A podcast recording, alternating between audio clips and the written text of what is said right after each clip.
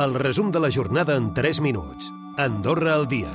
L'Hotel Pol es convertirà en un espai multifuncional amb residència universitària, habitatges per joves i espais empresarials. És una de les prioritats al nou comú al primer semestre de l'any. Escoltem el cònsol major de Sant Julià, Cerni Cairat. Residència universitària d'un cantó. Estem treballant també perquè hi pugui haver pisos eh, a preu assequible per persones joves i altres espais doncs, de, de creació empresarial.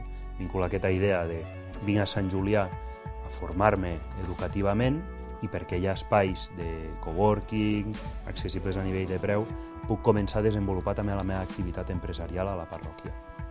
Precisament l'ampliació i l'impuls de la vila universitària són dos dels principals reptes de futur de la Universitat d'Andorra. Ara fa 20 anys de la inauguració de l'edifici. Va començar com un centre modest on s'ensenyaven només dues carreres universitàries. Hem volgut parlar amb els estudiants Arnau Soler i la Tània Rei, però també amb la Montserrat Casal, directora del Centre d'Estudis Virtuals.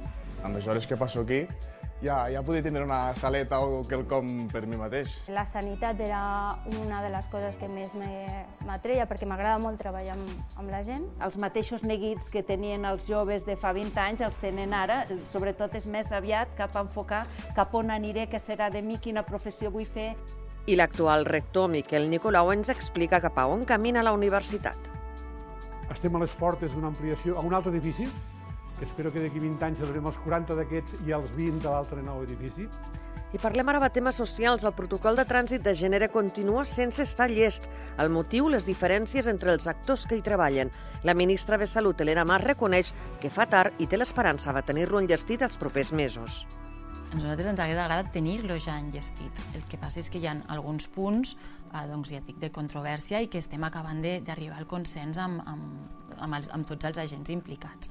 I a l'exercici fiscal del 2024, les empreses veuran minvades les deduccions a la quota de tributació en el camp de contractació i inversions. Això sí, ser solidari bonifica.